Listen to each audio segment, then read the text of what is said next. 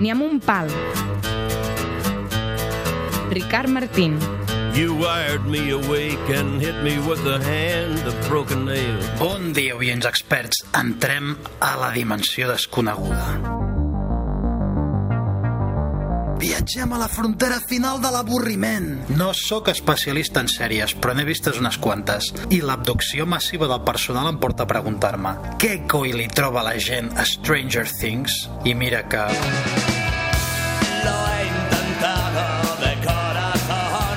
posat bé.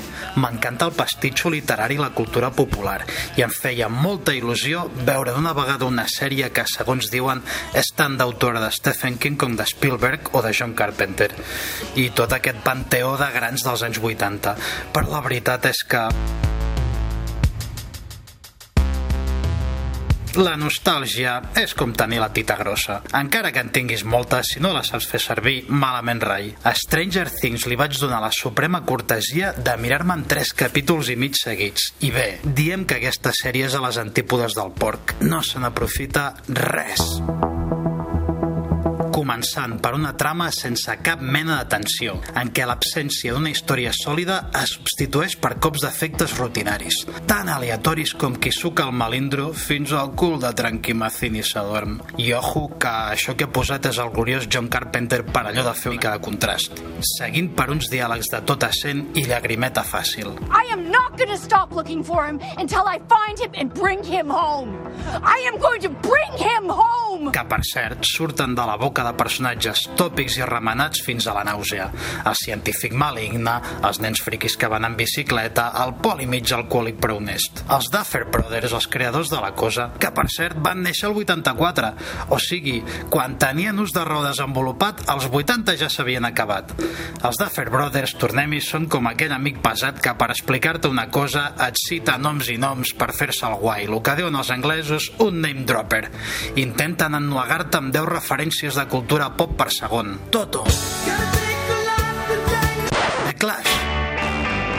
I així fins a la nàusea.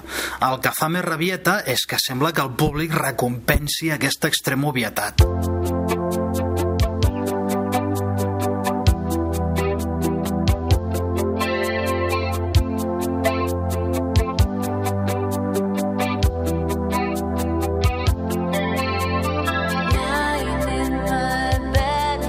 La gent no para de flipar amb la banda sonora de la sèrie, plena de cançons rebregadíssimes de Bon Jovi, The Police o Cyndi Lauper.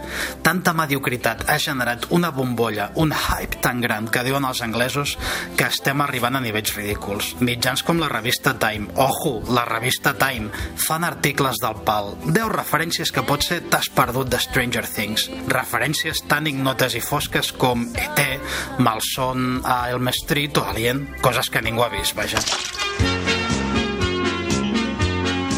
Germans Subwoofer, o com sigui que us digueu.